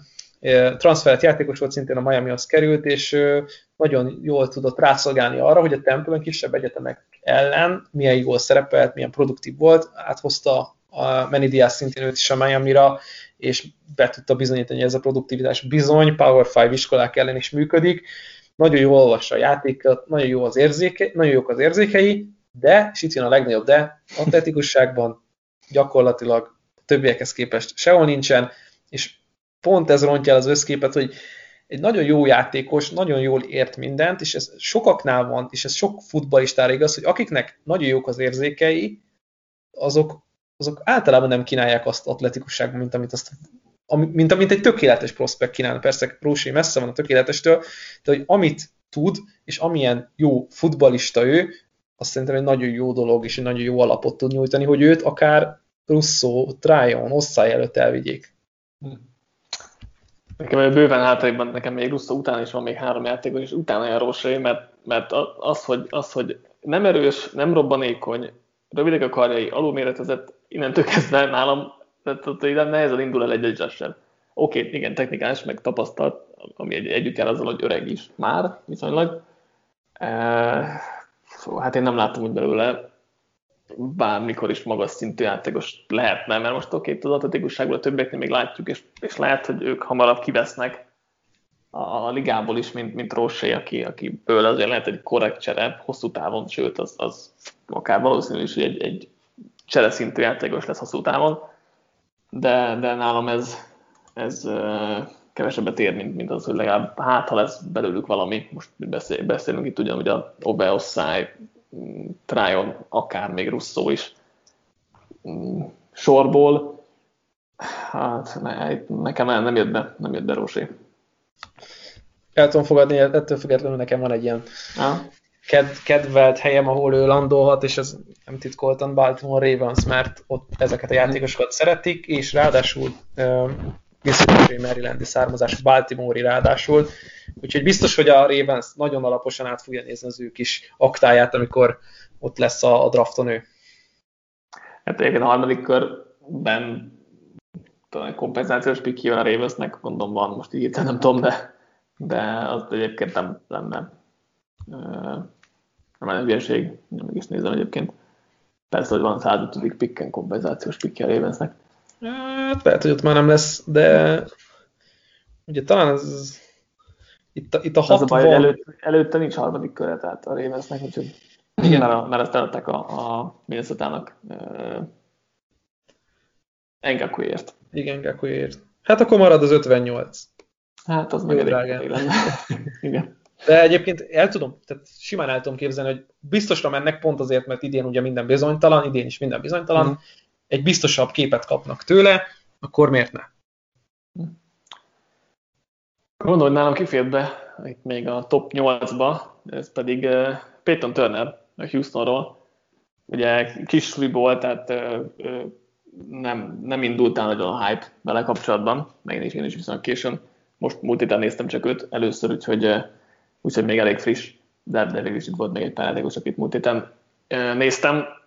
Szóval kiváló a felépítése Turnernek, rendkívül hosszú a karjai, kellően atletikus, hajlékony, de, de ebben azért, azért nem elit, és egyébként nagyon, nagyon magas játékos, ami a hátrányára is válik valamilyen szinten, de, de futás ellen hasznos a, a támadási ponton, mert erős játékos, energikus is egyébként, és voltak olyan snappjegyek, amikor olyan szépen ment be a tackle hóna alá, ami, amit ilyen méretekkel nem vártam volna, és arra szóltam, hogy így wow, oké, okay, akkor ez, ez nem semmi.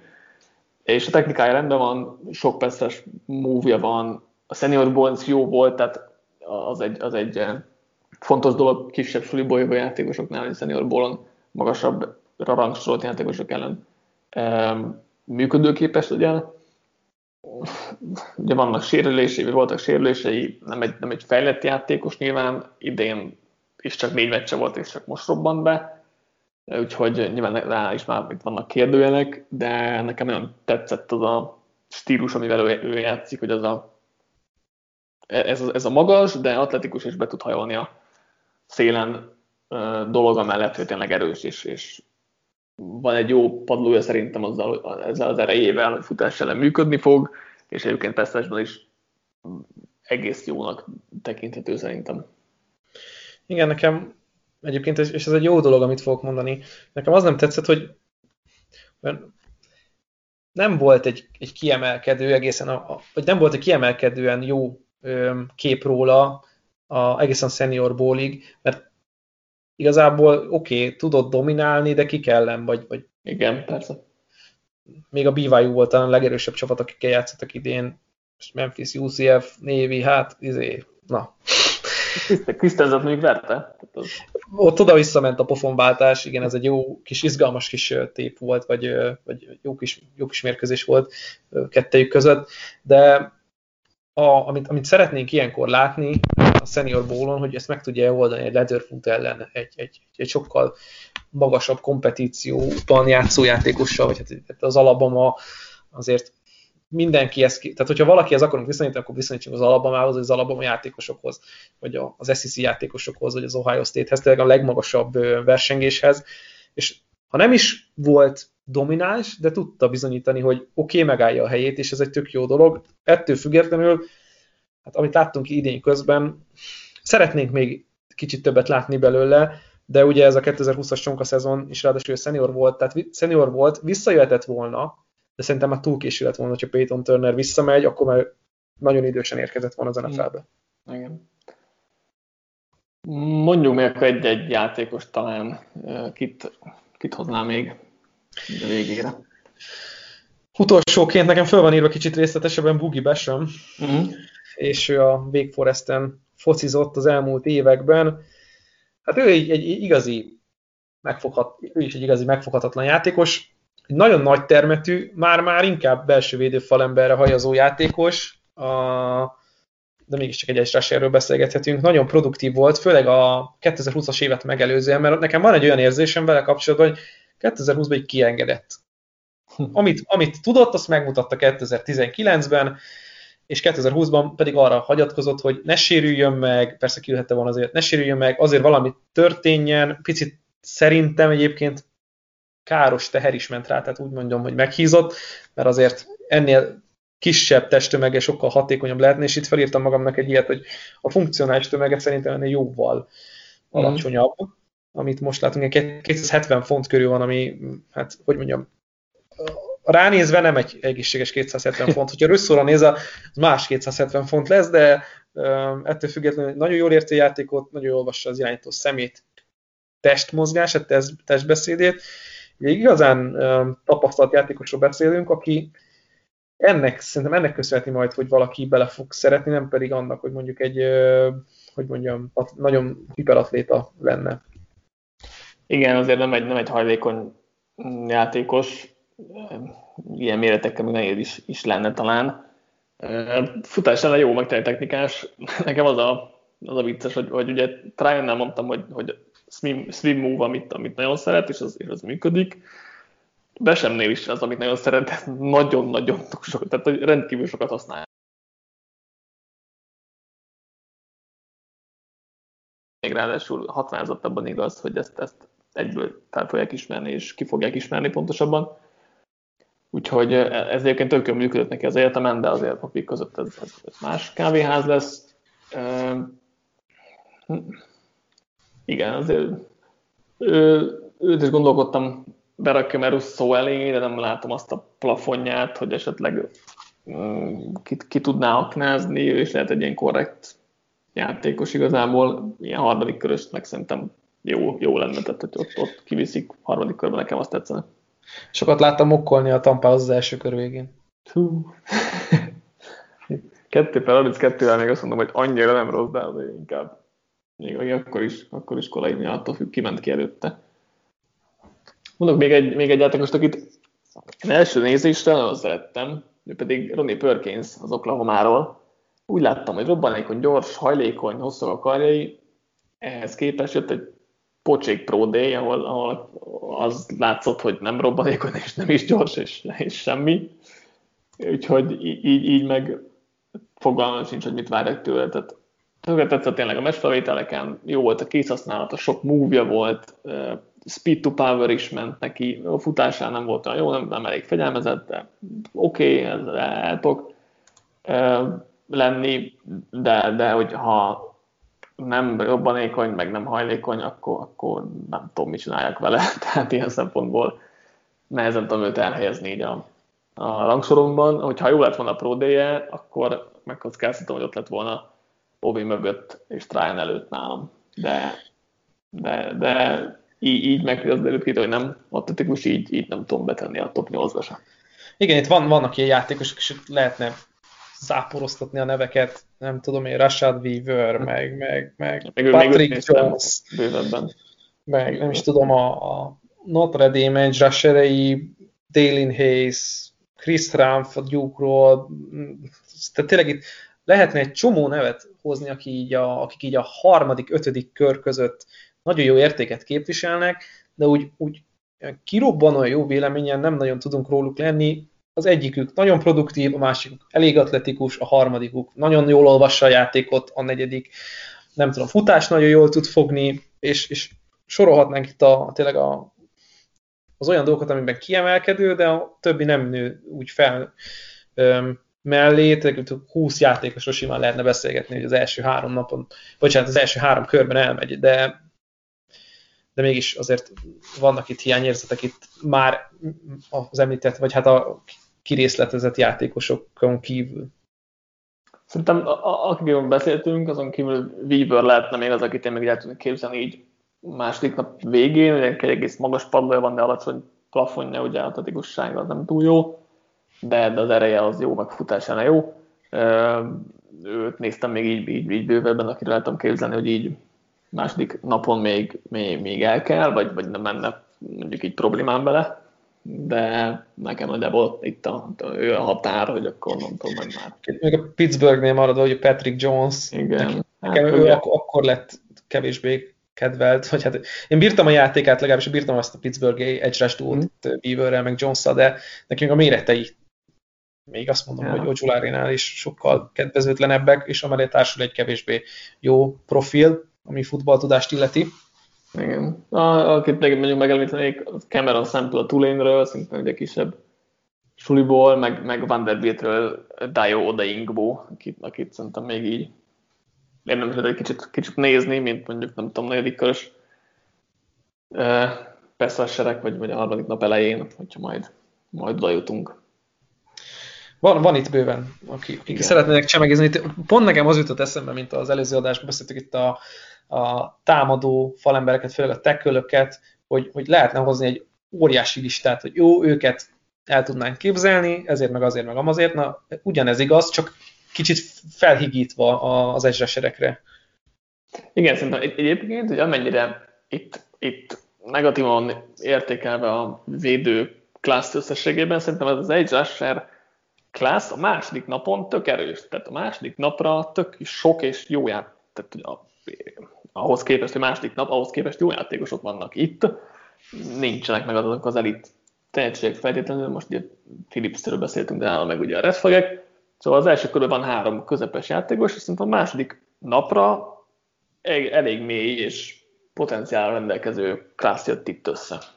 Ezt abszolút el tudom fogadni, hogy aki, akik szeretnének ilyen projektekbe beruházni, van tőkéjük és van lehetőségük, nem feltétlenül sürgeti őket a, húzunk egy edge rushert, húzzunk egy edge rushert minél hamarabb, mert most van nyitva a Super Bowl ablak, na, ezek a csapatok nem jártak jól idén, de akiknél ott van, hogy tényleg egy Geret és feltételezhetően Clowny, vagy egy Tampa, vagy tényleg egy olyan csapat, ahol nem ma kell robbantani, és akkor itt, itt jöhet szóba. Itt nagyon sok, nem is tudom, hogy, hogy kinél jutott eszembe, talán, talán, talán, talán um, OV az a játékos, aki lehet egy ilyen Dimarcus Lawrence, vagy lehet mellé egy ilyen Dimarcus Lawrence profilt, hogy a harmadik évében, hogyha jó helyre kerül, tényleg van előtte valaki, akkor nagyon durrant, és akkor jöhet majd a, a PD, vagy eligazolni, tényleg eligazolni valahová jó pénzért, de tényleg ezek a játékosok vannak ott, hogy nem idén, nem jövőre, hanem mondjuk két év múlva lehet komolyabb tízszekes szezont mondjuk kierőszakolni egy, egy, nem is tudom én, egy Perkinsből, vagy egy Oszájból. Igen, igen, pont, pont az, hogy a másik napon inkább projektet húzol 22-re, mm, és abból meg itt tényleg, tényleg van bőven is, azért ha azt nézzük, hogy második napon milyen mély egy klassz, akkor itt az egy az elején ennek, és majd beszélünk, hogy a cornerback szerintem az elég hasonló ilyen szempontból, és azért vagy 5-6-7 nevet minimum fel tudunk sorakoztatni, akik, akik második napon jók lehetnek. Nyilván elkapó az, az idén is, mert arról beszéltünk meg, hát ugye most idén a támadó fal is, úgyhogy szerintem a második nap ez, ez elég jól néz ki idén összességében. Ezt el tudom én is fogadni. Itt Na, végszóként. Végszóként igen, másfél órát sikerült, sikerült túléltünk, úgyhogy eh, belevágtunk a védőkbe, és akkor az adás elején mondtam, jön még eh, két adásunk ezzel kapcsolatban, és egy két körös magdraftunk is, és amit nem mondtam, hogy jövő héten eh, keddesti fények draft show felvezető adásunk is lesz, úgyhogy ha minden jól megy, akkor a stúdióból már grafikákkal, videókkal kicsit a hangolódva az élő draft shownkra. Na, akkor ennyi volt. Mára köszi Bányt, hogy elhűdötted vele, velem ezt a másfél órát. Köszönjük, hogy minket hallgattatok, és találkozunk legközelebb is. Sziasztok! Sziasztok!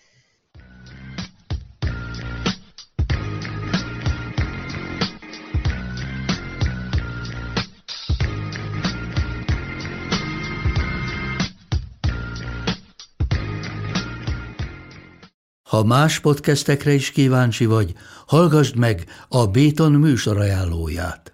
El tudod képzelni, hogy a podcastet, amit éppen most hallgattál, fél év múlva már a mesterséges intelligencia generálja? Mi sem. De ha érdekel, eljött már a gépek lázadása. Hallgass bele az Embertelen podcastbe. Orsós Lajos vagyok, a műsor házigazdája. Egyelőre még élőben. Egyelőre. Fedezzük fel együtt, hogyan ismerkedik, randizik, mesél és vitatkozik Betty és Péter, két teljesen mesterséges intelligencia. Lajos, a podcast címét mond még egyszer, Léci. Oké. Okay. Embertelen podcast.